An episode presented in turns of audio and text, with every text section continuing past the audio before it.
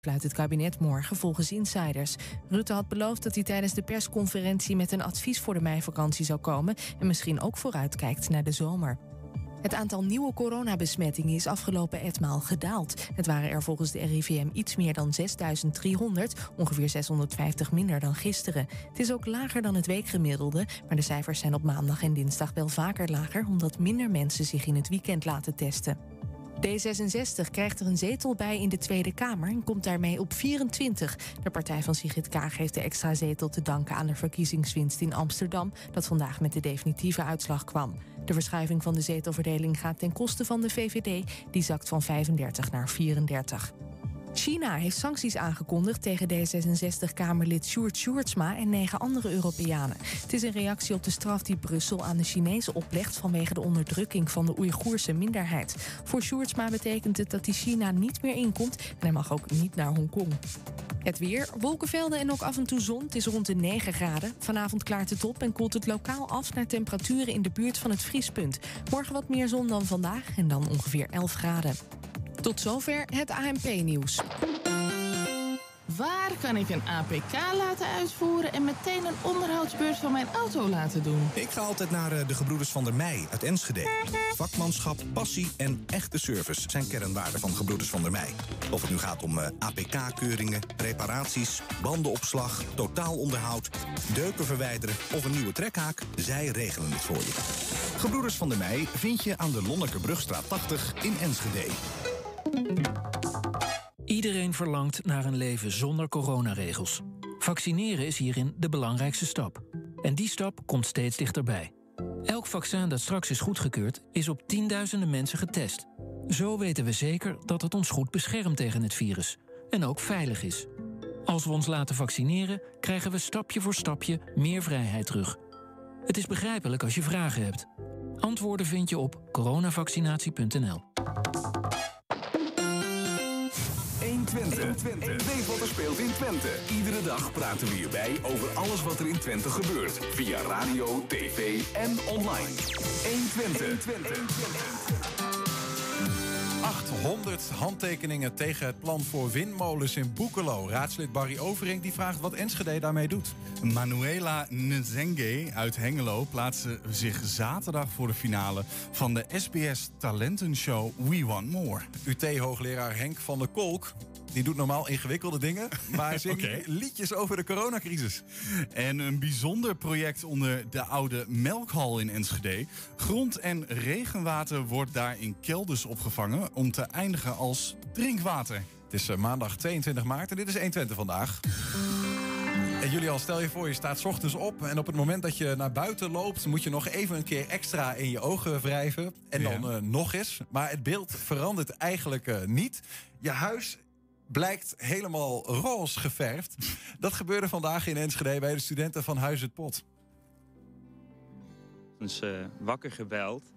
En eh, toen we naar buiten kwa- kwamen, zagen we opeens dat eh, het huis roze was. Eh, we wisten bijna meteen ook wel wie het was. Dus eh, we zijn met z'n allen meteen in de auto gestapt, eh, naartoe gegaan. En toen we daar aankwamen, zagen we ook nog de, de verfrollen en de bakken buiten liggen. Dus eh, het was ook niet heel moeilijk eh, om erachter te komen. Dus normaal gesproken, als wij er uitgaan of zo en we een paar biertjes op, vind ik nog wel eens leuk om een paar grapjes bij hun uit te halen. En zo hebben ze ook een paar keer bij ons een grapje terug uitgehaald. En eh, uiteindelijk ja, dacht zij, we pakken ze een keer goed terug. We profileren we zich, ons even goed over eh, de rug van Huis het Pot heen. Wat er nu gaat gebeuren is dat eh, de man die de coating heeft aangebracht... die gaat even kijken eh, wat er nodig is om, ja, om het weer te repareren, om het wit te maken... en dezelfde werking te behouden. En die factuur ja, die gaat wel naar hun toe, ja. Maar ja, wij zitten nu ook wel goed na te denken over hoe we ze weer ter- terug kunnen pakken. Ja, wie er nou precies achter zit is nog niet helemaal bekend. Er schijnt een studentenhuis eh, op de radar te staan... maar die zeggen van ja, misschien is het juridisch niet zo handig... als wij hier nu uitspraken over doen. Ehm, maar goed, inmiddels ook aangeschoven onze eerste gast, eh, Barry Overink. En die, die gaf net ook een aanwijzing. Ja, nou ja, het is dat het geen campagnetijd is, maar anders had het zo de kleuren van burgerbelangen kunnen zijn. Maar jij weet van niks? Eh tot op heden nog niet. Mark Teutelink, misschien moeten we die dan even een belletje plegen. bellen, Ja, ja. We zijn alleen de kleur geel nog, maar ja. het is wel zonde, want het is wel een mooi pand. Eh, ja, roze is op zich een mooie kleur, maar dit is wel weer, eh, ja, past niet echt. Nou, toch bij de, bij de naam van het huis, hè? Huis het pot. Ja, Ja. roos verwacht je dan op zich ook wel. Wat dat betreft, eh, misschien moeten we over nadenken om het zo te laten. ja. Dan eh, inwoners van Enschede West, Usselo en Boekelo. Die vragen met een eh, petitie aandacht voor hun bezwaren tegen windmolenjoekels in hun omgeving. 2,5 keer de Alfa-toren, dat is inderdaad best hoog. In vier dagen tijd hadden ze 800 tegenhandtekeningen op. Hun burgerbelangenraadslid Barry Overink, je hoorde hem al even, die stelde de vragen over aan het Enschedese college. Barry, welkom. Ja, goedemiddag. Ehm, 800 ondertekenaars, best een hele hoop. Die zeggen allemaal not in my backyard. Eh, ja. Inmiddels zijn er trouwens bijna 1100 handtekeningen. Ah, dat de groeit. advertentie, of het stuk in de krant heeft eh, flink bijgedragen aan de petitie. Mhm. Ehm, mensen zien eigenlijk nu ook pas wat, wat dit voor effect in hun leefomgeving gaat hebben. Omdat het nu ook ter inzage ligt. Ehm, Maar het is- hoezo nu pas dan? Want het lag toch al eerder. Het plan was het toch al om die twee windmolens aan de N18 te plaatsen? Ja, eh, nee, dat is vrij recent. Hè. Die zijn in de nieuwe eh, notities er pas ingekomen. Eh, afhankelijk, alle jaren, afgelopen jaren was het eigenlijk alleen maar gepland naast de Gros, de A35 en bij de Boldershoek. Ehm, en eentje in Twekkelo. Nou, die heeft de raad gezegd dat dat willen we daar niet. Dat is een natuurgebied. En drie stuks in de haven. En die zijn nog steeds actueel. Alleen voor dat laatste, ehm, ja, daar is geen energiemaatschappij. Die zegt ja, daar, die zijn niet rendabel genoeg. Wij willen meer rendement. Dus de haven zien wij niet zitten. Maar het is ook niet zo dat, terugkomen op je eerste vraag, eh, not in mijn backyard. Eh, ja, maar dat wil niet zeggen dat die mensen dan tegen ehm, hernieuwde energie zijn of tegen energieopwinning op een andere manier. Maar ja, het doet nog wel wat. Als je, weet je, die mensen die gaan bewust buitenaf wonen. Hè? Om de mooie natuur en het mooie gebied, het, eh, het vrije uitzicht. En van de een op de andere dag, eh, dan citeer ik even een inspreker die destijds kwam, het Hoge Boekel. Van de een op de andere dag woon ik van een prachtig natuurgebied op een industrieterrein. Ja, en dat doet wel wat met een omgeving daar. Dus ik, Ja. snap die bezorgdheid wel. En wat, wat, is jouw vraag aan het college dan? Ja, dat zijn meerdere dingen. Ehm, ten eerste, ik wil, er is heel veel onrust ontstaan in eh Enschede West. Hè? Boekelo, Usselo, Twekkelo. En het gaat over die twee aan de N18. Drie. Over drie stuks. Ja, drie eh, windmolens van eh 240 meter hoog, eh, zeg maar ongeveer. Ehm, en daar zijn inderdaad de zorgen over. Ehm, ja. Je Ja, vraagt- de- maar eh, wat, wat je vraag aan het college dan zijn. Want eh, de planning is dus blijkbaar nu van Enschede eh, eigen- eigenlijk aan het afsturen op die, die drie windmolens. Als onderdeel van het aanbod hernieuwbare energie wat Enschede doet. Nee, wat ik aan het college heb gevraagd, ten eerste of zij eh, eh, op dit moment eh, in zicht hebben eh, hoeveel onrust er is inderdaad in eh, dat staatsdeel. En dat die mensen zich echt oprecht zorgen maken. Mhm. Ik wil ook weten van, nou ja, de gemeenteraad heeft gezegd, prima, wij gaan, als wij ehm, nieuwe voorstellen gaan doen, zoals eh zonneweiders of windmolens, dan moet daar draagvlak voor zijn. Mhm. Dus ik wil weten van, eh, nou ja, ehm, denkt het college dat hier draagvlak kan ontstaan überhaupt nog? En hoe gaan we ook dat toetsen tot, die tot het draagvlak er is?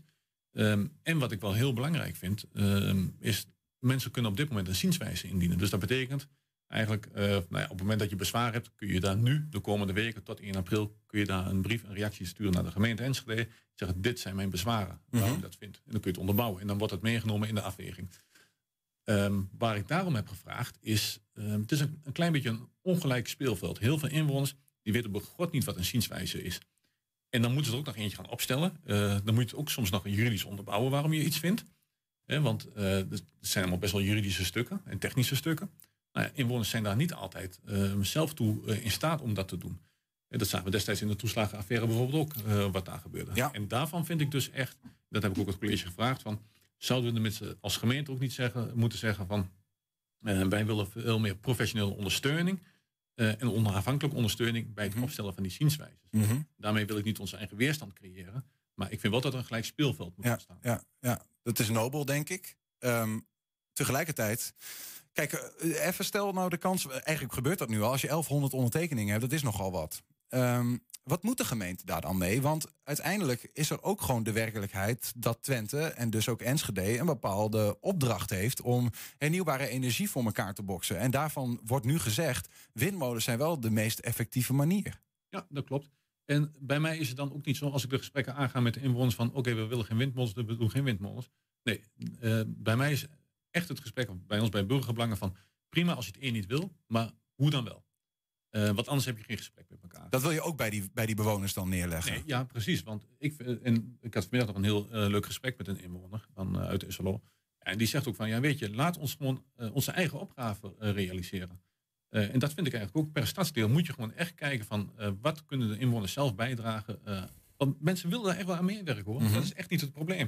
Het is alleen de- een, een kwestie van smaak in die zin. En soms ook gewoon echt zorgen om veiligheid en gezondheid eh, over windmolens. Ja, maar eh, even concreet gezegd, Mhm. zeg je dan van, nou ja, als eh bewijs van de Enschede Oost als stadsdeel vindt eh, van wij willen wel een windmolen, dan geef je ze een windmolen en anders niet. Want dan zal er volgens mij nergens een windmolen komen. In Oost wordt het ook heel lastig, hè, want we hebben een merk laten maken. En eh, heel veel gebieden zijn gewoon uitgesloten, omdat het gewoon technisch niet kan. Wat wij als burgerbelangen heel graag zouden willen, is gewoon een, een burgerforum. Dan ga je dus echt per stadsdeel kijken. Of eh, een gebied, in dit geval kan ook Enschede West, hè, met de dorpskernen daar. Laat die gewoon gezamenlijk zeggen van... Oké, wij eh, verbruiken ongeveer in dit gebied zoveel stroom. Dus wij staan ook aan de lat voor zoveel stroom. En hoe wij dat doen, dat bepalen wij zelf. Maar we gaan wel een overeenkomst aan met de gemeente. Van eh, hier staan wij voor aan de lat. En dit realiseren wij. Ehm, en daar moeten we ook gewoon... ehm, En, nou, en nou, Oké, maar oké, Enschede West krijgt zo'n burgerforum, en, maar, maar het voorstel wat ze indienen is niet toereikend. Er moet meer bij. Ja, nee, dan betekent ook gewoon, eh, als ze daar zelf niet die zorg voor dragen en niet die afspraken nakomen, want dat is natuurlijk wel, hè, het zijn wel gewoon afspraken die we met elkaar moeten maken. Eh, dan heb je altijd de gemeenteraad uiteindelijk, die ook eh, de integrale afweging moet maken. En dan kan het gewoon zeggen van, oké, als de samenleving dan zelf dit niet oppakt, dan eh, worden wij ingehuurd om die keuzes te maken. Dat is de andere kant van het verhaal. Wil je daar dan- moet je eerlijk in zijn. Wil je dan ook de vraag evenredig verdelen over de stadsdelen bijvoorbeeld? Want uiteindelijk is het buitengebied bijvoorbeeld wel, ja, de, toch wel de plek. Als er een windmolen komt, komt die niet in de binnenstad. Nee, maar wel drie in de haven bijvoorbeeld. Nee, een heel terecht punt, want eh, bijvoorbeeld Stadsdeel Centrum, daar zou je veel minder kunnen opwekken eh, dan bijvoorbeeld in West of Noord of Zuid. Ehm, de- je moet wel echt kijken van, oké, wat is dan de verdeling? Je kunt niet zeggen van, oké, alleen wijze van spreken Boekelo of Hoogboekel levert eh, zo, of vraagt zoveel stroom, dus dat is ook 100% wat zij moeten op. Nee, je moet altijd bijplussen, omdat je niet overal eh, eh, je volledige, je maximale opbrengst kunt halen. Dat is gewoon niet realistisch. Ja. Maar is het ook niet zo, Barry, in dit verhaal dat ehm, waar je aan de ene kant drukt, hier doen we ze niet, dat er aan de andere kant weerstand ontstaat? Ergens moet er water bij de wijn worden gedaan? Ja, maar daarom moet je ook niet vragen, en dat vind ik het heel mooi aan een burgerforum. Dat zijn gewoon geloten inwoners. En die gaan gewoon zes, zeven maanden echt in gesprek eh, zaken ophalen. Dat hebben we toen ook gedaan met het vuurwerk. Hè? De vraag was toen niet, bent u voor of tegen het vuurwerk? Nee, hoe kunnen we op een goede manier in de samenleving omgaan met vuurwerk? En wat kwam daaruit? Dat kwam uit dat we zeiden van, oké, kwetsbare plekken, daar willen we een vuurwerkverbod. Bij kinderboerderijen eh, en bij bejaardentehuizen. Zo zijn we ook begonnen. En zo moet je dat denk ik ook gewoon dit gaan aanvliegen. Bewoners betrekken. En zorgen dat zij ook gewoon meedoen in het hele verhaal en mede-eigenaar laten maken. Kan het nog op tijd eigenlijk? Want ik, ik, ik- soms ben ik het spoor een beetje bijster als het gaat om de tijdlijn, de regionale energiestrategie voor Twente. Die, eh, die komt eraan, ligt nu een voorlopig plan. Die, daar moet de gemeenteraad nu iets over gaan zeggen. Zeg je nu eigenlijk van voordat wij er iets over zeggen, als gemeenteraad wil ik eigenlijk al die bewoners eens horen met hun plan? Nee, het- het een sluit het ander niet uit. Hè? Want dit is eh, wat wij nu hebben, is zometeen de energievisie. Nou, dat is op de hoofdlijnen wat wij eh, aan totaal willen realiseren. Kijk, een windmolen of een zonnepark is niet het doel. Het doel is uiteindelijk om energie-neutraal te worden hè, met een aantal tussenstappen daarin. Dat is het doel. Eh, en hoe we dat gaan doen, dat gaan we samen met de samenleving doen. Maar daar hoort wel bij dit plaatje wat er nu ligt. Om dit te kunnen realiseren zijn deze stappen nodig. Daarmee zetten we deze stappen nu niet in het beton. Dus wil niet zeggen dat inderdaad zoveel windmolens of zonnepanelen eh, nodig zijn. Maar als er niets gebeuren, dan is dit wel nodig. Ja. Maar voor, voor wanneer moet de gemeente Enschede eh, komen met hun definitieve aanbod? Want anders worden de windmolens bij ons in de tuin geplant, begrijp ik. Eh, nee, zo hard is dat in die zin ook nog niet. Want definitieve aanbod, we hebben gezegd, er komt zometeen die energievisie, die stellen we vast. En dat is ook het bod wat wij inbrengen in de rest, de regionale energietransitie. Nou, en dat bod dat gaat niet over hoeveel windmolens of hoeveel zonnepanelen. Dat gaat inderdaad over wat leveren wij aan eh zelfgewerkte, op, eh, zelf opgewekte energie op. En dus dat is het bod eigenlijk wat je doet. En hoe we dat invullen, daar gaan we uiteindelijk zelf over. Ja. Maar er zijn wel een aantal suggesties voor gedaan. Dus eigenlijk even om het, om het samen te vatten, als ik jou goed begrijp, je zegt ga nou ehm, eh, de inwoners van Enschede in burgerfora eh, vragen van hoe, wat willen jullie in je eigen st- stadsdeel, wat kun je betekenen? Zeker. Ga als gemeenteraad daar kijken en ga dan kijken, is dat genoeg? Nou, dan doen we het zo, dan hebben de stadsdelen dat zelf bepaald. Ja. Eh, en is dat niet genoeg, dan moeten we als gemeenteraad misschien nog zeggen, vervelend dat je het niet wil, maar je moet toch nog iets extra doen. Ja, nou ten eerste, eh, uit alle gesprekken die ik heb, blijkt gewoon dat mensen dit inderdaad ook gewoon willen. Die willen echt wel een steentje bijdragen voor mogelijk. Die vrouw die zegt, ik heb 39 zonnepanelen op mijn dak. Ja, weet je, dat doen ze niet uh, voor omdat ze het gewoon leuk vinden. Dat is omdat ze echt een steentje willen bijdragen. uh, dus echt die energie zit er wel in de stad. Maar uh, je moet daar ook op een goede manier, je moet mensen echt gewoon goed betrekken en ook zich laten horen. En het kan nooit helemaal zoals zij het willen. Dat kan nooit. Je kunt nooit iedereen helemaal uh, naar tevredenheid uh, dit wil doen. Maar je kunt wel je best doen om het zoveel mogelijk te doen. En dat is wat belangrijk is. Duidelijk. Dank voor het verhaal, uh, Barry. Jullie bedankt. Barry Overink hoorde je over. Dus ja, zijn raadsvragen over de windmolens in Boekelo en alles daaromheen qua draagvlak. Zometeen hier Manuel Zenga, die is de hengeloze zangeres. Die plaatste zich zaterdagavond voor de halve finale van SBS Talentenshow We Want More. Maar eerst uh, onafhankelijk raadslid Leo Jansen. Die wil van het Hengeloze College weten of de als duurzaam bestempelde Boekeloze brug wel echt duurzaam is. Ja, het is de brug over het Twente-kanaal ter hoogte van Axo Nobel. Die twee jaar geleden geopend werd. Leo Jansen heeft bedenkingen bij de opbrengst die de zonnepanelen in het wegdek leveren. Ook is er volgens de volksvertegenwoordiger van alles mis met de veiligheid en kwaliteit van de brug. Ja, en met name de brugleuning. meneer Jansen, we staan hier op de Boekeloze brug. Uh, wat is er mis met, uh, met uh, dit bouwwerk? Ik denk dat er heel veel mis is met deze brug. De meest duurzame brug is die in 2019 is deze geopend. met veel bombardie. Maar of dat veel duurzaam is, daar vraag ik me ook, uh, ook echt af. De kwaliteit uh, vraag ik me af, maar ook de veiligheid. En daar heb ik uh, al een heleboel vragen over gesteld. En ik krijg heel weinig antwoorden. Wat is er volgens u mis met de brugleuning? Als je kijkt naar de veiligheid, hier loopt een paadje. Misschien kan u dat met de camera straks ook even laten zien. En ze hebben daar een paadje gemaakt. En die, die stijlen die worden steeds lager. En de openingen zijn vrij groot. Dat als je daar langs gaat, is het alleen al heel gevaarlijk om er langs. Maar ook als je er overheen komt, dan, ga je de, dan klap je er zo uh, overheen. En je ziet ook dit, dit soort uh, dingen. Dit, uh, overal kieren, overal openingen. veiligheid slecht, maar ook kwaliteit markeert van alles aan. In de vorige raadsvraag heeft de gemeente geantwoord van... nou ja, volgens ons is de brug veilig. Ja, maar ik heb, uh, ik heb uh, ook gevraagd naar een, uh, naar een onderzoeksrapport. Dat heb ik niet, niet gekregen. Waar ze dat op baseren. Het papier is geduldig schijnbaar. En zeker hier in, in Hengelo. Maar ik, ik hou meer van om dat ook zwart op wit te, te zien. En daarom heb ik ook in de laatste keer gevraagd dat het tijd wordt voor een echt onderzoek. En dat de raad dat onderzoek dan ook krijgt. Nu aangegeven, wordt nu tijd voor een onderzoek. Na drie keer vragen stellen, ik voel me soms de Pieter Omzicht hier van, van Hengelo. Dus het wordt gewoon tijd dat er nu antwoorden komen. Dit wordt gepromoot als de meest duurzame uh, brug in Nederland. De eerste meest duurzame brug. Zijn daar ook grote vragen, te, uh, vragen over. En zeker over die panelen die hier op de, op de straat uh, liggen. Ja, want, want wat, is er, wat is er volgens u mis met die panelen dan? Nou, de, die, men, men geeft dus aan dat die panelen ervoor zorgen dat die energievrij is, deze brug. Hè? Want je ziet wel meer dan 600 uh, LED-lampjes uh, zitten hier te gaan. En dat zou, die panelen zouden dat dan opwekken. Nou, ook daar heb ik heel veel vragen over gesteld. Want ik wil dat wel graag zien. Want in 2019 is die geopend. En ondertussen moeten ze toch wel documentatie hebben van ja, wat het resultaat is. Ik krijg het gewoon niet. Nou, als ik naar die panelen kijk daar op de straat... en ik kijk ook naar de uh, ja, naar de situatie zoals die hier is, met schaduw en, en met, met alles erbij, zet ik daar grote vraagtekens bij. Ook vraagtekens over die panelen zelf. Want in Frankrijk is al eens een keer een, een, een weg geweest met die zonne, zonnepanelen op. Dat is één grote drama. Er wordt heel veel geld uitgegeven, maar het resultaat is heel weinig. Eén ding, ik zit nu bijna 14 jaar in de raad. En uh, gelukkig zijn, vind ik mensen zoals een, een Eddy van Essen, die me hier ook in geholpen heeft, uh, die, uh, die wat meer energie steken om ons daarin in te, te faciliteren. In die 14 jaar heb ik meegemaakt dat, en dit is weer zo'n typisch voorbeeld van, je stelt als volksvertegenwoordiger, je steekt veel tijd in en dat hoort ook.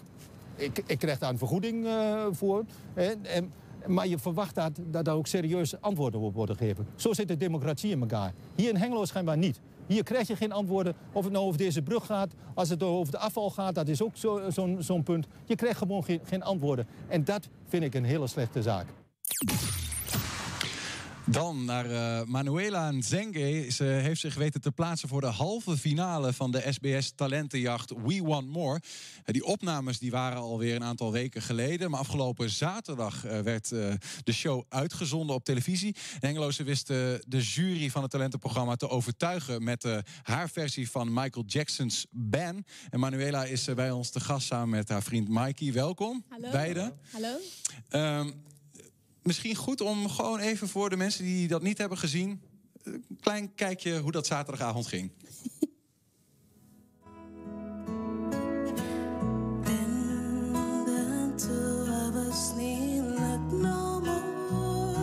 Mooi. Prachtig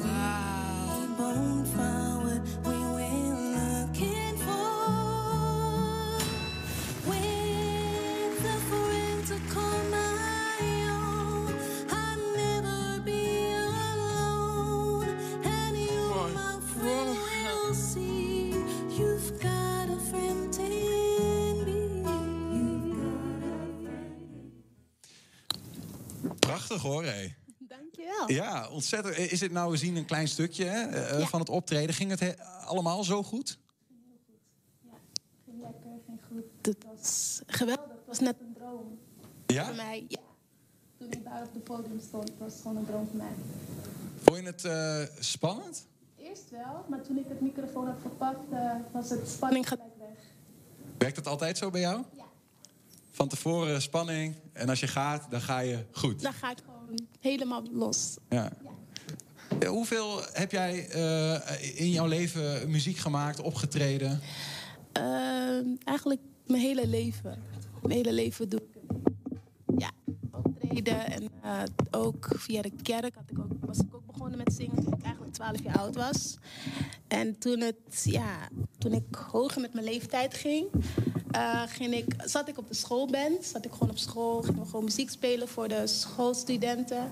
En daarna ja, kwam ik hier terecht en heeft hij me daarmee geholpen om eh, ja, dit allemaal te doen. Je vriend Mikey heeft, eh, heeft je opgegeven of zo? Ja, hij heeft me opgegeven. Oh, oké, Ja. oké. En, en, en was je het daar wel mee eens of was- stond je in één keer voor het blok? Ik was in shock. Ik, ik dacht, ik wist het gewoon niet. Toen hij zei van, eh, ja, je komt op tv. Ik van, hè? Van, ja, je komt op tv. Ik zei van, nee. Van, ja, je komt op tv. Van, ach. Hij heeft me gewoon echt aangemeld. En ik was echt gechoqueerd en ook heel blij en ook verdrietig. Maar ook gewoon blij. Ik was heel blij. Wanneer, wa- wanneer, was je voor, wanneer heb je voor het laatst eigenlijk überhaupt voor, voor, eh, voor mensen opgetreden dan? Het was laatst, wanneer was dat? Wat was laatst bij Christmas Night? Christmas, nee, dat was niet Christmas Night. Dat was, eh, was het ook alweer? Het Wilming Theater. Ja, het Wilming Theater. Oh, oké, met de kerst. Ja, Ja, ja, ja. Ja. Nou ja, wat goed, het is natuurlijk een andere tijd, hè? Dus het optreden is allemaal wat minder. Dus het is heerlijk dan, denk ik, om zo weer voor het publiek te staan. ja, heerlijk. Ja. En, en nou, is die, die tribune is dan leger dan normaal, denk ik. Hè? Ja. Maar in heel Nederland kijken natuurlijk honderdduizenden mensen mee. ja. Ben je ervan bewust op zo'n moment dat je daar staat? Oeh, eh, daar let ik niet op. Nee. Is dat maar goed ook? Ja, Ja. ja. Ehm, heb, je, heb je nog reacties gekregen de afgelopen, de afgelopen dagen? Oh, heel veel. Eh, het was net een eh, explosie. Ik, ik kon gewoon, ik, ik, ja, ik kon niet snel reageren. Het was gewoon te veel. Ja? Het was te veel. De hele WhatsApp vol en alles. eh, Facebook tot Instagram. ja. Vol. Alle familieleden die even opbelden. Ja. Tot s'nachts aan toe, dus Ja. super. Oh, hey, was jij dat nou echt? Ja. Zag ik jou daar? Ja, ja, ja. ja. Maar uh, Mikey, het is jouw schuld dat eh, Manuela daar op dat podium stond. Ja, klopt. Ja. Want jij dacht, dit moet gewoon eh, breder gezien worden. Ehm, ja, het begon eigenlijk eh, aan het begin van de coronacrisis. Toen gaf ze ook aan van nou, of het raakte haar zo erg dat ze niet meer kon optreden. Dat, ik, dat ze eigenlijk dacht van misschien moet ik stoppen met zingen. En toen dacht ik van nee, dat gaat niet gebeuren. Je moet juist gas geven. Ik kan echt prachtig zingen, dus eh, heb ik haar opgegeven. En ja, we hebben allemaal gezien hoe dat eh, afgelopen is. Dus. Ja. Ehm, we konden gisteren, Manuela, misschien ook af en toe zien... dat je soms wat, wat moeite hebt met eh, reageren. Hè? En dat komt omdat je eh, eigenlijk een, een verstandelijke beperking... Er is, er is iets gebeurd me- tijdens de geboorte, hè? Ja, ja, ja, toen ik klein was, was ik vier maanden te vroeg geboren. En eh, ja, toen eh, had ik, ja, werd ik gelijk gestuurd naar de speciaal onderwijs van de school voor zeer moeilijke lerende kinderen. Ja, en eh, ja, ja, toen hoorde ik dat ik gewoon dat had, maar ik wist het gewoon niet. Nee. Ik kwam gewoon zomaar. En wat, wat doet het dan met je? Ik weet niet. ik weet echt niet. Wat, wat gebeurt er als je dan soms... Kun je, kun, je, kun je soms niet goed begrijpen wat iemand zegt? Of wat, wat is er moeilijk voor je? Voor mij is het gewoon als iemand me iets uitlegt, moet je het gewoon dubbel uitleggen, zodat ik het begrijp.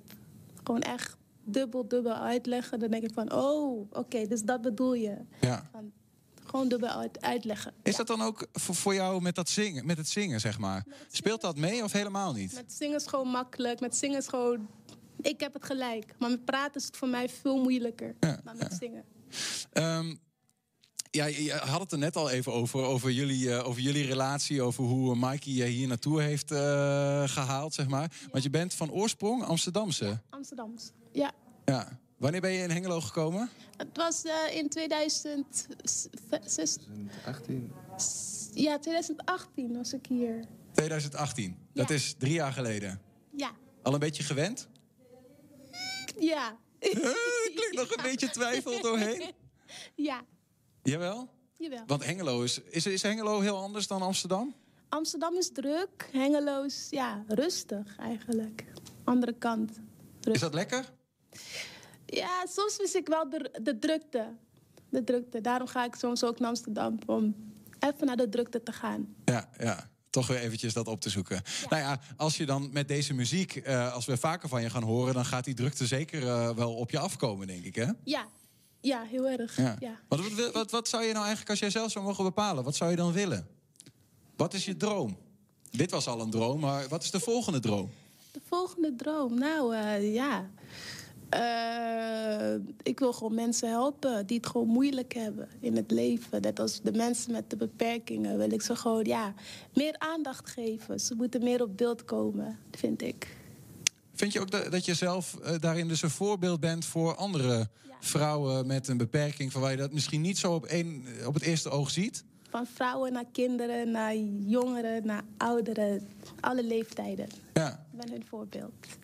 Dus de, vind je daarom ook belangrijk om dat verhaal te vertellen? Want ik vraag er wel gewoon nu naar van, ja, wat, wat, wat, wat is je beperking dan? Maar ik kan me ook voorstellen dat je denkt, ja, hallo, ik ben gewoon een zangeres, ik ben gewoon Manuela, ik ben niet met mijn beperking. Ja. Snap je? Of vind je, het, of vind je het prima om daar zo open over te delen? Ik vind het gewoon prima. Ze moeten me gewoon leren kennen wie ik echt ben. En dit is gewoon wie ik echt ben. Ja. Ik zag daar nog een, eh, op Twitter trouwens een prachtige re- reactie van iemand over. Die zei, eh, ze heeft dan wel een beperking, maar muzikaal is ze onbeperkt. Ja, dat is ook gewoon zo. Echt, als ze een microfoon vast heeft, dan wordt ze meestal gewoon een ander mens. Echt een, eh, ja, echt een superster of zo. Geweldig eigenlijk, hè? Ja. Zo. Is, heb, je, heb, je dat, heb je wel eens vaker het idee dat mensen je een beetje onderschatten? Ik heb het nooit door. Nee? Ik heb het nooit door. Nee. Nee. Maar misschien denken ze van, ja, nou, ik zal het wel zien. En dan krijg je in één keer dit op je dak, joh. Eh, sterren van de hemel. Hè? Ja. Is dit trouwens de eerste keer dat je aan zo'n eh, tv-talentenjacht meedoet? Ja, het is mijn eerste keer in mijn leven. Ja. En, nu, dan, en, en, en nu, nu ga je naar de halve finale. Ja. Ja. Het- Is het zoiets van, is, ligt nu de... Ja, ik- ik kan me voorstellen dat het je wat zelfvertrouwen geeft. Snap je? Als je naar de halve finale gaat, dat je dan denkt van... Nou, eh, misschien kan ik wel meer dan, eh, dan wat ik dacht dat ik kon. Hè? Misschien nog eens een andere... Of, of heb je nu zoiets van die halve finale, daar ga ik nu eerst op focussen. Wat we voor de rest zien, dat zien we wel. Dat zien we wel. Ja. ja. Wanneer is de halve finale? Pardon? Wanneer, wanneer is die? Wanneer, wanneer kunnen we die... eh, wanneer, wordt die nog opgenomen, de halve finale? De opnames die zijn al geweest. Alleen, eh, ja, we Ja. mogen er nog geen uitspraken over doen. Oh, Oké, oké. De, de halve finale is, is, is... De opnames zijn nog... En de van de finale? Finale, die is wel eh toch? Zijn ook al geweest? Ja, Ja, oké. oké. Nee, daar gaan we verder geen, eh, ge- daar gaan we geen, geen vragen over stellen. Maar die kunnen we dus eh, binnenkort eh, voorbij zien komen. In ehm, april ergens is de halve finale, geloof ik, te zien. En later dus ook nog de finale. Ja, ik ben ontzettend benieuwd, Manuela. Wat we daar eh, gaan zien. Ja. En, eh, en wat we verder van je gaan horen. Als ik dit zo hoor, dan mag het van mij het veel meer zijn. Sowieso. En leuk dat je bij ons was. Dankjewel. Dank je. Manuela Nzenge en Mikey Poppinghouse. Dank jullie wel. Straks hier UT-hoogleraar politi oh, politicologie Henk van der Kolk maakte kleinkunstachtige liedjes over de coronacrisis. Maar eerst gaan we het hebben over eh, eh, rebellen van de klimaatgroep Extinction Rebellion. Eh, Enschede fietsen zondag de gehele single af om de politiek tot klimaatactie te manen. De actie is onderdeel van de eh, Lente-rebellie, waarbij door heel Nederland van 26 februari tot en met 16 april demonstraties worden gehouden. Ja, niet geheel toevallig vindt de formatie van het nieuwe kabinet op dit moment plaats en is er voor rebellen van groot belang dat het klimaat prioriteit krijgt. In de studio eh, rebel Jesse Klein-Hesseling. Jesse, goedemiddag. Hallo. Jesse, even een eh, klein overzichtje van acties eh, van Extinction Rebellion. Eh nepbloed op straat, bezettingen van gebouwen. Groepen mensen die massaal faken dat ze dood zijn. Uh, nepbegrafenistoeten. Ik dacht, weet je wel eigenlijk wel zeker dat een fietstocht over de single van Enschede wel een actie van Extinction Rebellion is, joh. Ja, ehm, nou, we doen eigenlijk heel veel verschillende soorten acties. We doen de, de wat disruptieve acties en de soms wat grafische acties, die soms chockerend kunnen zijn, maar we doen ook wat, eh ja, wat vredelieverende protesten. En deze zou ik daaronder scharen, of ja, niet? inderdaad. Maar wat, wat, want eh, het, klinkt bijna als een beetje, beetje suf, bijna zo'n soort van fietstochtje over de single. Of is het zeg maar nog wel iets massaler dan dat? Eh, nee, het is niet heel groot. Op dit moment hopen we iets van 30 man eh, te verzamelen. Ehm, we gaan wel met heel veel spandoeken en kabaal natuurlijk de single over. Hopen we een hoop aandacht te trekken. Maar nee, in Enschede is het nog niet zo ehm, ja, disruptief als in de Randstad bijvoorbeeld. Maar had je ook meer gehoopt, meer dan 30? Ehm, nee, we hebben op een gegeven moment ehm, hebben we met de gemeente, zeg maar, ja, moet, moet je een melding maken. En dan moet je zeggen hoeveel eh, mensen je verwacht. Want het is een echte demonstratie. Zo, Ja. zo staat het dan aangemeld, zeg maar. Ja. ja. Dus vandaar die 30. Eh, ja, Het is gewoon. dat is een schatting eigenlijk. Eh, Oké, maar is het max 30? oh, op dit moment wel, ja. Ja. Er mag gewoon niet meer bij. Daar durf ik weinig over te zeggen of dat echt niet mogelijk is, maar we houden het op 30 in Nee, principe. oké. ja. Maar, maar even, de- ik, ik, wat stel ik me dan zo voor? Aankomende zondag, ehm, eh, eh, dan ga je eh, met, met, met nou ja, zeg 30 man eh, de single op. En dan ga je een, een, een rondje fietsen met, met toeters en bellen. En, en, en, en wat wil je daar dan mee? Ehm, nou, en natuurlijk heel veel teksten met, met spandoeken, vlaggen. Ehm, nou, wat we hopen is dat ehm, we hiermee de, politiek, nou hier in dit geval in Enschede, een beetje onder druk kunnen zetten. Ze weten er natuurlijk vanaf. En we voeren al wat langer actie in Enschede. Eh, zonder resultaat, helaas. Ehm, ja, het is dus eigenlijk weer een volgende actie in deze reeks. Oké, je wil de lokale politiek ehm, nou, wat meer druk opleggen. Of in ieder geval laten zien van hé, hey, onze boodschap is, is menens. Dat is een boodschap die gaat over ehm, nou ja, klimaat. Over onze aarde gaat naar de knoppen. Wat vraag je dan van de gemeente Enschede in dit verhaal? Eh, wat we van de gemeente Enschede vragen is om ehm, een iets hogere ambitie, zeg maar, te. Of so- sorry, nou, de ambitie die nu is, wat bij te stellen. eh, omhoog, want die is eigenlijk heel erg laag. Ook als je het vergelijkt met de ambitie die Nederland al heeft. Eh, de ambitie van Nederland is al onvoldoende om Parijs te halen. En, en Enschede loopt er eigenlijk ver in achter. Dus eh, daarom, Dus even, even eh, eh, je, hebt, je hebt het klimaatakkoord van Parijs. Die zeggen op 2050 willen we met elkaar klimaatneutraal zijn eh, eh, in de wereld. Eh, in Nederland eh, nou ja, is daar een bepaald plan gemaakt. Dat is ook weer naar de gemeente gegaan. Of naar de, naar, eerst naar, de- naar Twente, zeg maar. En Twente zegt dan tegen Enschede... Nou, jullie moeten zoveel eh, procent van je energie moet hernieuwbaar zijn. We hadden het daar net even over. Windmolens, zonneparken. Maar, maar jij zegt van het aanbod van Enschede... of datgene wat Enschede gaat realiseren... dat is wat ons betreft veel te weinig. Eh, ja, als je zo even naar de cijfers kijkt. Mhm. ehm, in de laatste, volgens mij, energieakkoord hebben ze bedacht dat eh, in 2030 willen ze ongeveer 16% ehm, duurzame energie. En uiteindelijk willen ze in 2050 helemaal energie-neutraal zijn. Mhm. Nou, simpele regensom is ongeveer 80% ehm, om nabij, die dan in 20 jaar even, de laatste 20 jaar moet geregeld worden. Dat lijkt mij heel erg onrealistisch. En daarom moet het eigenlijk nu veel sneller. Omdat hoe langer je wacht, hoe moeilijker het wordt. En daarnaast zegt ook gemeente Enschede... wij rekenen er eigenlijk op dat een groot deel van de energiebehoeften... eh, van Enschede eh, in, de, in de restregio, zeg maar, de, de, regio Twente... En, en buiten die regio wordt gevuld. Dus oftewel, de rest van Nederland mag de energiebehoeften van eh, Enschede gaan oplossen. Ja, nou ja, goed, dat is, dat is natuurlijk ook een beetje een politiek proces wat nog eh, moet gaan blijken of dat zo echt gaat lopen. Want uiteindelijk heeft Enschede natuurlijk ook gewoon een opdracht te vervullen vanuit de uh, energieopgave, zeg maar. dat klopt, ja. Maar, maar jij zegt dus van Enschede kan veel meer doen dan wat ze nu doen. Nou, de ambitie die is in ieder geval heel erg laag. En um, ik, er, er, is altijd bij het, bij het maken van dit soort plannen is altijd heel, wordt heel erg veel gekeken naar um, wat is politiek haalbaar, wat is economisch haalbaar. En uh, we moeten de economie, economie natuurlijk wel kunnen laten groeien. Mhm. Mm -hmm. Ik zeg, laten we eerst gaan kijken wat nou echt nodig is. En um, en daar je plan op, op, af, uh, op afstellen. Ja, ja. inderdaad. Want, want even, kijk, dat is natuurlijk het ding. Je hebt, je te maken met, uh, met uh, volksvertegenwoordigers die, uh, nou ja, die iets vinden. En die zeggen dan van, ja, ik ben niet zo.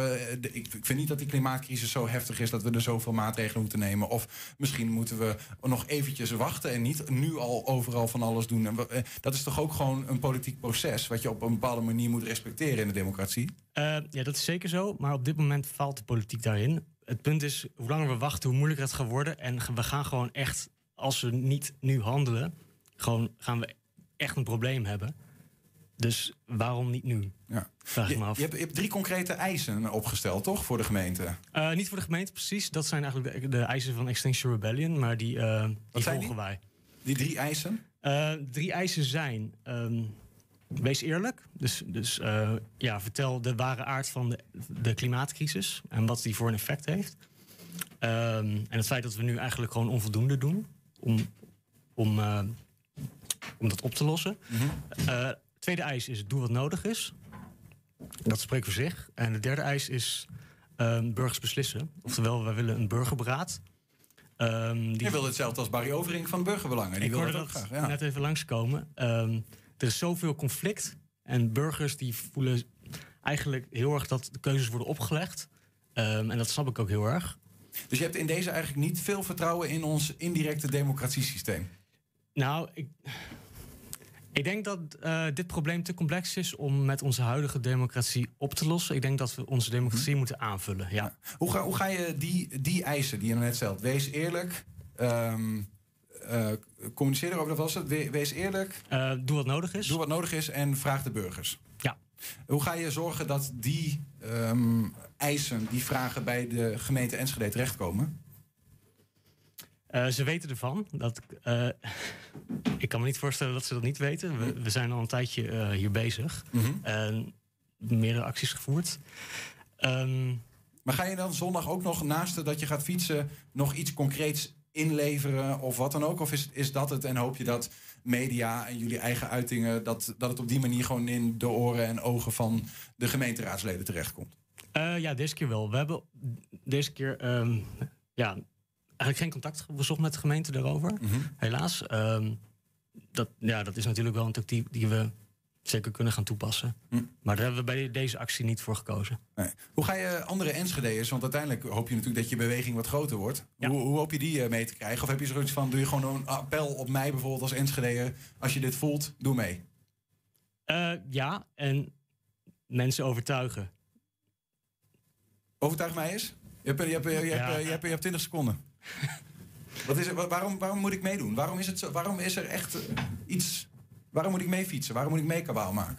Nou, eh, niet per se mee fietsen. Ehm, ik zou zeggen vooral sluit je aan bij Extinction Rebellion. Waarom? Kijk wat. ehm, nou, de klimaatcrisis is nu. We hebben al veel te lang gewacht om het op te lossen. Hoe langer we wachten, hoe groter het probleem wordt, hoe moeilijker, hoe duurder het wordt. En dit is geen optie om niks te doen. Want daar gaan we echt op, heel erg hard op de blaren zitten. Dus Eh, nu, nu. Ja, dus nu handelen. Duidelijk verhaal. Jesse Klein-Hesseling, dankjewel voor je komst. En eh, veel eh, plezier en eh, succes, sterkte, wijsheid met fietsen en eh, actie voeren zondag. Ja, dankjewel. Een bijzonder bijzonder project onder de oude melkhal in Enschede. Grond- en regenwater wordt daar in een kelder opgevangen om te eindigen als drinkwater. Zometeen meer daarover. Maar eerst, de coronatijd is voor veel mensen een eh, bron van ellende. Maar daar heeft UT-hoogleraar politicologie Henk van der Kolk iets op bedacht. Geen ingewikkelde formules, maar liedjes. Hij maakt parodieën over de crisis, afgeleid van bekende nummers. Straks praten we met hem, maar eerst laten we zijn muziek spreken. Dit is Leven na COVID.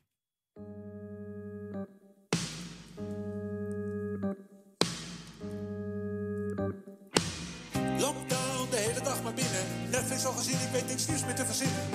Gezoomd met vrienden en vriendinnen. Nog even en ik kom totaal niet meer bij zinnen. Anderhalve meter en geen handen geven. Mond kapot, er is geen donder te beleven. Als we straks weer de straat op gaan en ik weer dicht bij jou mag staan. Theaters, kroegen, festival, skivakantie en het carnaval. Ik weet, het duurt vast nog even en daarna is er ook wel weer wat. Maar de hoop doet me leven, de hoop doet me leven. Thuiswerk, ik kom niet in de benen en alle sport gestopt, dus ik mag ook niet meer trainen. Vaccin, dan krijg je antigenen, maar het virus is voorlopig onder stand nog niet verdwenen. Geen Sinterklaas en ook geen kerstfeest, dat stomme COVID is een grote kwelgeest. Als we straks weer de straat op gaan en ik weer dicht bij jou mag staan. Theaters, kroegen, festival, skivakantie en het carnaval. Ik weet, het duurt vast nog even en daarna is er ook wel weer wat. Maar de hoop doet me leven, de hoop doet me leven. Waar staan we nu met de gedeeltelijke lockdown? De cijfers laten zien dat de maatregelen werken. Of eigenlijk dat ons gedrag werkt. Al met al houdt het overgrote deel van Nederland zich aan de regels, hoe moeilijk dat soms ook is. Lockdown, de hele dag maar binnen. Netflix al gezien, ik weet niets nieuws meer te verzinnen. Gezoomd met vrienden en vriendinnen. Nog even en ik kom totaal bij. Anderhalve meter en geen handen geven. Mond kapot, er is geen donder te beleven. Als we straks weer de straat op gaan en ik weer dicht bij jou mag staan. Theater, kroeg, een festival, skivakantie en het carnaval. Ik weet, het duurt vast nog even en daarna is er ook wel weer wat. Maar de hoop doet me leven, de hoop doet me leven. We kunnen dit dus blijkbaar samen nog een keer voor elkaar boksen. En ik benadruk samen, want we hebben elkaar nodig om elkaar en onszelf te beschermen. Tegelijkertijd hoop ik dat deze op zichzelf positieve ontwikkeling een extra motivatie is de komende tijd vol te houden en daar liever nog een tandje bij te.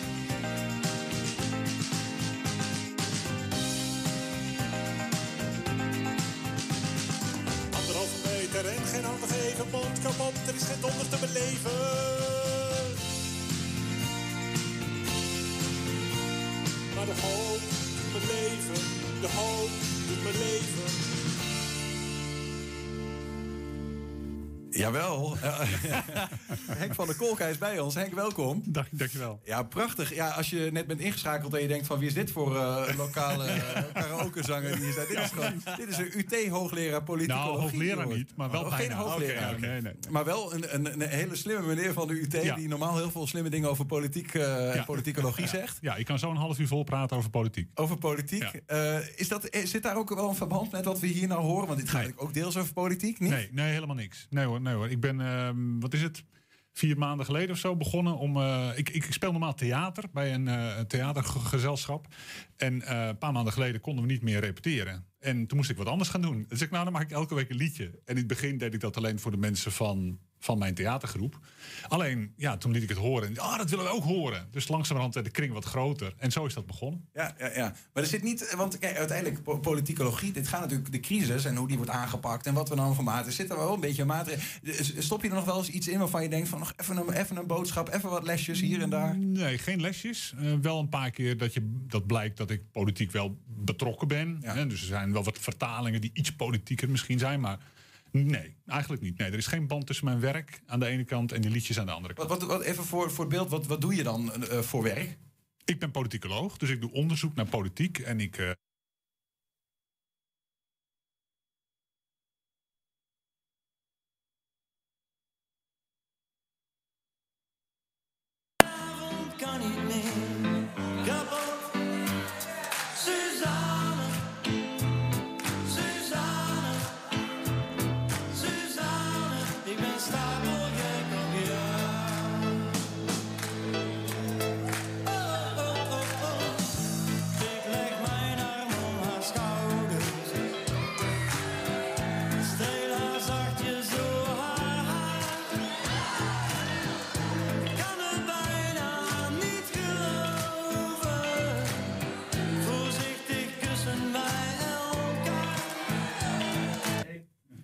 Ja, daar zijn we weer. Ja, de, de noodband startte volgens mij al in. eh, we, we werden er gewoon uitgekikt, Henk. Heb je dat vaker of niet?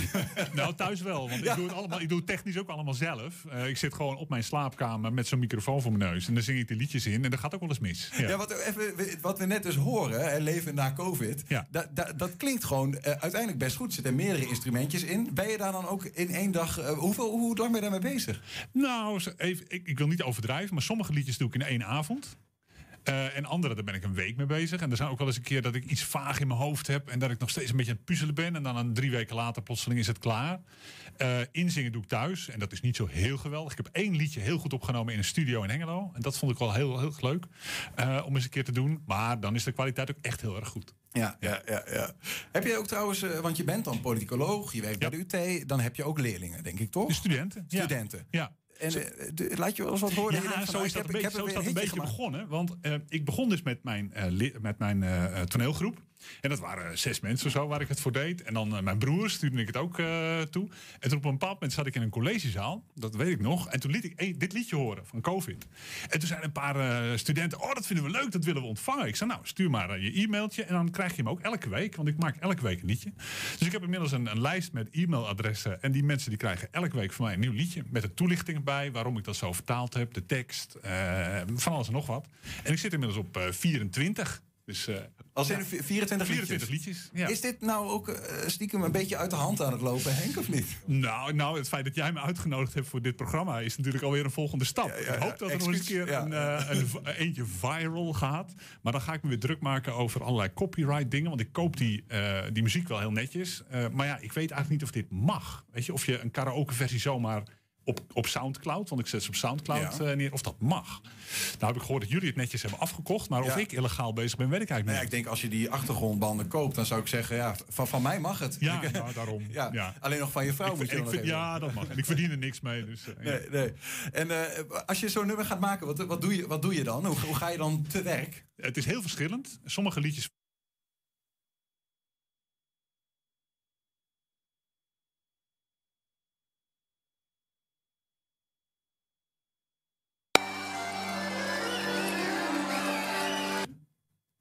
Zijn we weer terug? De, de laatste vraag, Henk. Ja, we zitten een beetje, we hebben wat ruzie met de techniek. Excuus daarvoor. Ehm, ik kom nog wel een keer terug. Ja, dat is misschien. eh, En misschien eh, zing je, het ook, zing je ook live trouwens? Of Nee, niet? live doe ik het niet. Nee. Nee. nou ja, misschien als, jullie niet als, aan, als, de of? druk, als de druk groot genoeg is, misschien dat ik het dan nog eens wil doen. Ja. Ik ben zo bang dat ik de tekst vergeet. Ja. Oh, dat kan me ook wel voorstellen. Ja. Nou, mag je een blaadje erbij houden. En dat is goed. Nee, maar is het überhaupt mogelijk? Want, want je horen meerdere eh, instru- instrumenten. Of die instrumenten die heb je gewoon vanuit de achtergrondband. Precies. Ja, vanuit de achtergrondband, Dus ja. jij doet vooral de zang en de tekst. Ja, geniet ook Hele teksten te maken. En daar wat, nou ja, wat in te stoppen van mezelf. Of wat nieuws in te bedenken. En dat lukt ook tot nu toe nog wel, elke week. Ja. Ik vroeg je net, en toen werden we bruut onder, eh, verstoord door, de, door de, de haperende techniek. Ehm, eh, maar van hoe je, hoe je uit, bij zo'n nummer komt, hè, hoe dat Ja. proces gaat. Nou, ik probeer te ontdekken waar volgens mij die tekst over gaat en wat ik daarmee kan. En soms wijkt dat heel erg af van de tekst. Maar soms is het ook heel dicht bij de tekst blijven, maar net een beetje anders. Ik ben bijvoorbeeld nu bezig met Jolene van Dolly Parton. En dat gaat heel simpelweg over eh, een, een vrouw die zingt... pak mijn man niet van me af. Toen dacht ik, als ik dat nou eens omdraai... Hè, ik zing het, ik ben een man. Maar ik laat een beetje in het midden of, ik nou word, of zij wordt afgepakt... of dat ik eigenlijk verliefd ben op een ander... of hè, dat het een beetje ambiguur wordt. En dat is gelukt. Ik vind de tekst, het gaat over René. Het is ook helemaal niet duidelijk of het een man of een vrouw is. En ik, eh, mijn, mijn Dolly Parton liedje zal over een paar weken eh, dan voorbij komen in het lijstje. Ja. En die kunnen we dan allemaal zien op YouTube Op of alleen op Soundcloud? Soundcloud. Soundcloud. Dat is eigenlijk net zoiets als YouTube, alleen dan voor muziek. En dan zoeken we Henk van der Kolk. En hij moet wel Enschede bij. Enschede. Ja, want ik heb het geprobeerd met alleen Henk van der Kolk. En dan komen er ook andere mensen voorbij. Maar Henk van der Kolk Enschede, dan moet het kunnen. Maar Jolien, René, eh vrouw afpakken, eh, ja of nee. dat klinkt niet meer helemaal alleen coronacrisis. Dus Nee, je, nee, nee, Je doet ook gewoon veel, wel meer dan Ja, het is dat. veel breder dan dat. Jawel, ik maak, er zijn nu drie of vier liedjes echt over corona. Bijvoorbeeld Wie laat de hond uit is een heel leuk liedje over eh, corona. Maar nee, de meeste van de, hele... van de, van de Baha Man. Ja, precies. Hoe ja, let the dogs out. Eh, Alleen dan nu de vraag van eh, wie mag de hond uitlaten na negen uur. Hè, dat, eh, dat idee. Er zitten er nog meer bij. Bijvoorbeeld de theaters zijn dicht. Het feit dat de theaters nu dicht zijn, ook een typisch COVID-liedje. Maar er zitten ook hele serieuze liedjes bij. dus van alles en nog wat. Maar er zit ook echt, want het klinkt klein kunst, maar er zit ook echt liedjes met een serieuze. Nou, bijvoorbeeld, ik ben, die staat niet op Soundcloud, want dat kan vanwege de, de aut- auteursrechten niet. Maar ik heb twee weken geleden een liedje rondgestuurd over eh, wat ik mijn vrouw toewenst als ik dood ben. Nou, dat zijn toch wel dingen die heel serieus zijn. En daarin staat van dat lang niet alles voorbij is. Is het, eh, eh, dus je, ben- je bent op een weg, je bent een weg ingeslagen, liedjes maken. Je doet, probeert er elke week één te doen. Dit is gewoon here to stay, dit. Nou, in ieder geval, zolang COVID duurt, ben ik van plan om het vol te houden. Maar eh, ja, die lockdowns die duren al erg lang op dit moment. Dus het wordt wel, de uitdaging wordt wel is. steeds Ja. groter. eh. Ja, nou ja, goed Henk. Eh, Ik weet dat Eva, hè, onze vriendin van RTL Jinek, kijkt altijd mee met ons programma. Dus als ze dit ziet, dan kan het nog wel zo gebeuren dat het zodanig uit de hand loopt dat je daar straks staat. En dan het ligt die carrière switch ligt toch een beetje op de loer. Nou, misschien wel. Dan zouden mijn studenten me moeten gaan missen straks. Ja, ik zal het ze vertellen. Henk van der Kolk, politicoloog, maar vooral even liedjeszanger in deze tijd ook. Henk, dankjewel. Graag gedaan.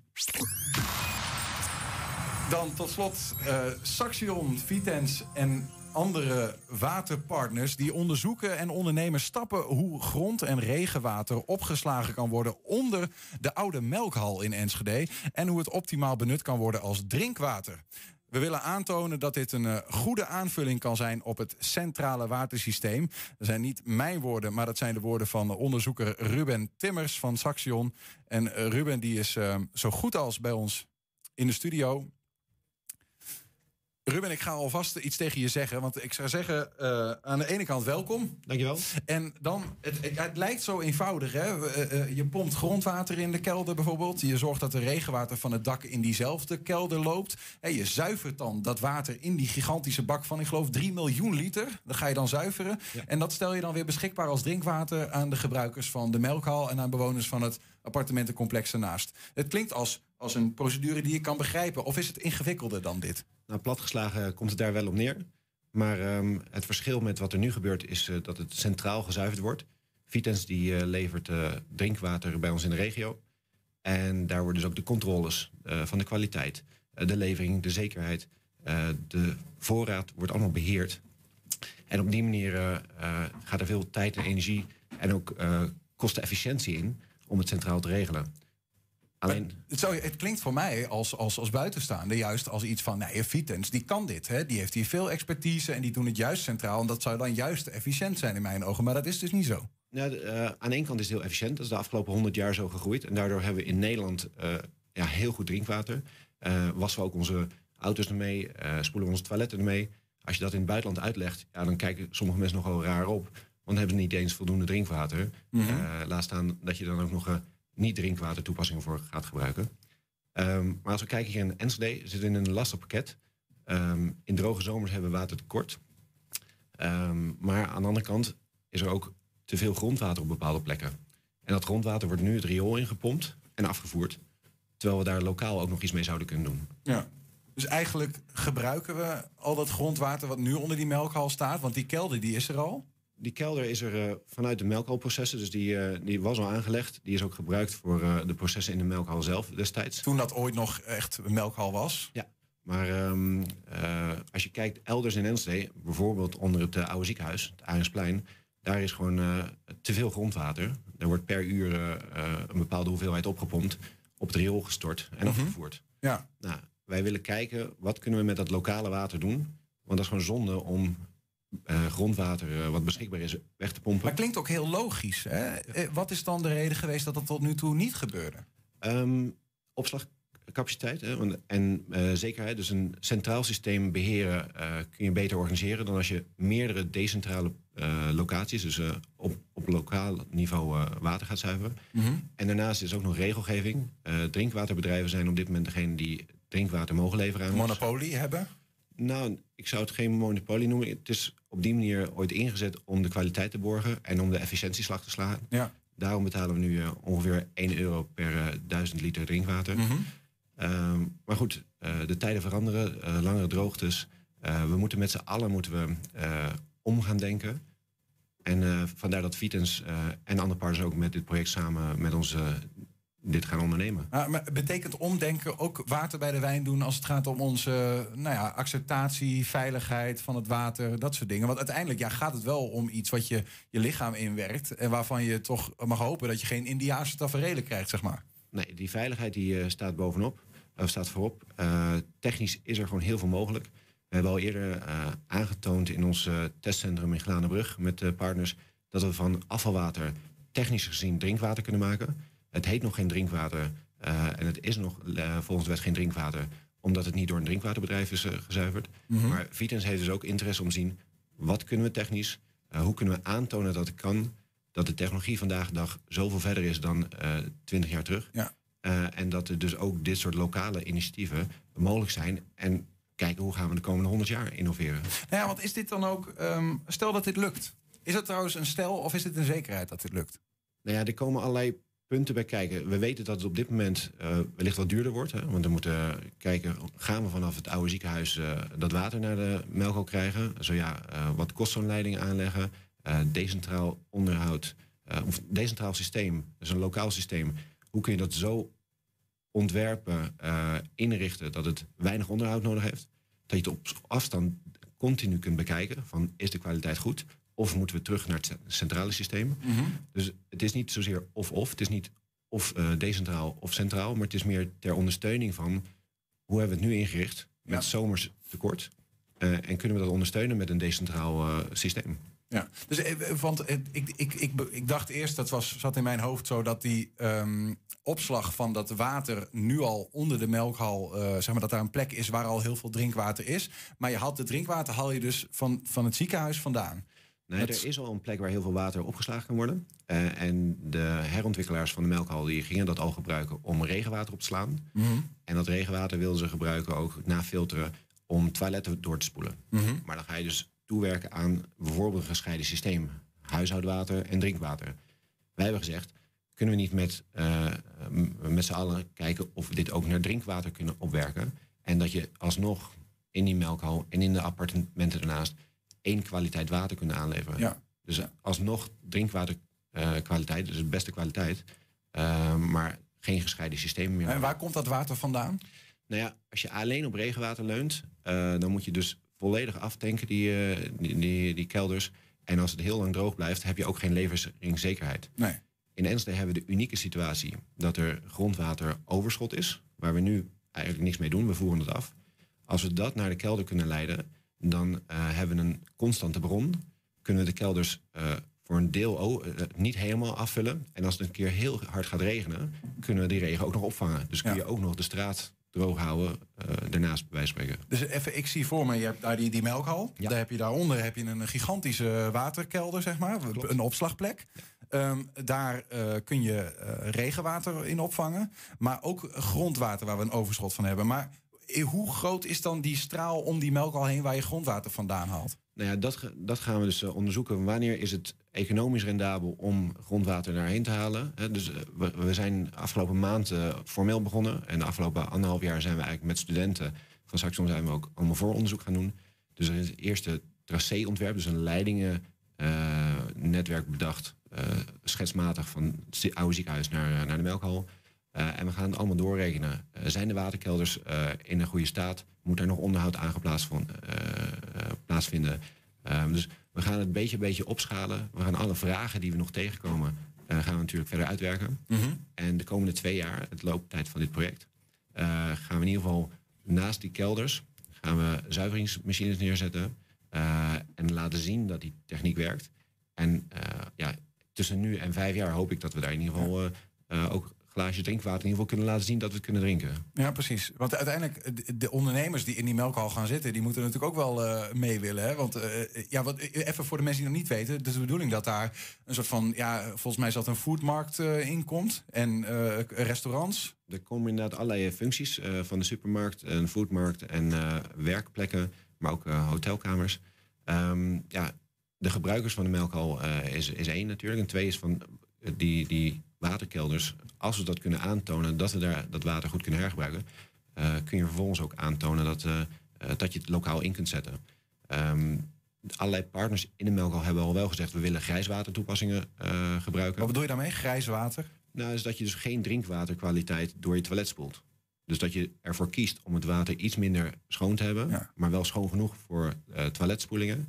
Spo- toilet spoel je dus met regenwater en grondwater. dat zou, dat zou zeg maar de, de minimale scenario kunnen Mhm. zijn. Dat was al het idee van de herontwikkelaar eh, wat er lag voordat we dit project optuigen.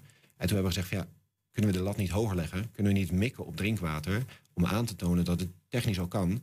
Maar hoe zorgen we dat die eh, technologie die er is lokaal toegepast kan worden en ook geaccepteerd kan worden in de, in de logistiek? Kijkt Nederland mee?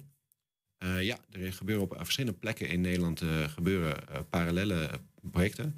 Ehm eh, Vitens zit sowieso in een netwerk van drinkwaterbedrijven. Dus landelijk wordt er eh, zeker gekeken naar al dit, dit soort ontwikkelingen. Ja, dus het is kans als dit gewoon lukt, dat we dit in de toekomst veel meer gaan zien. Een soort van lokale drinkwatervoorziening. Ja, nou, Vitens die heeft al wel gezegd van eh, het is mooi om aan te tonen dat dit kan.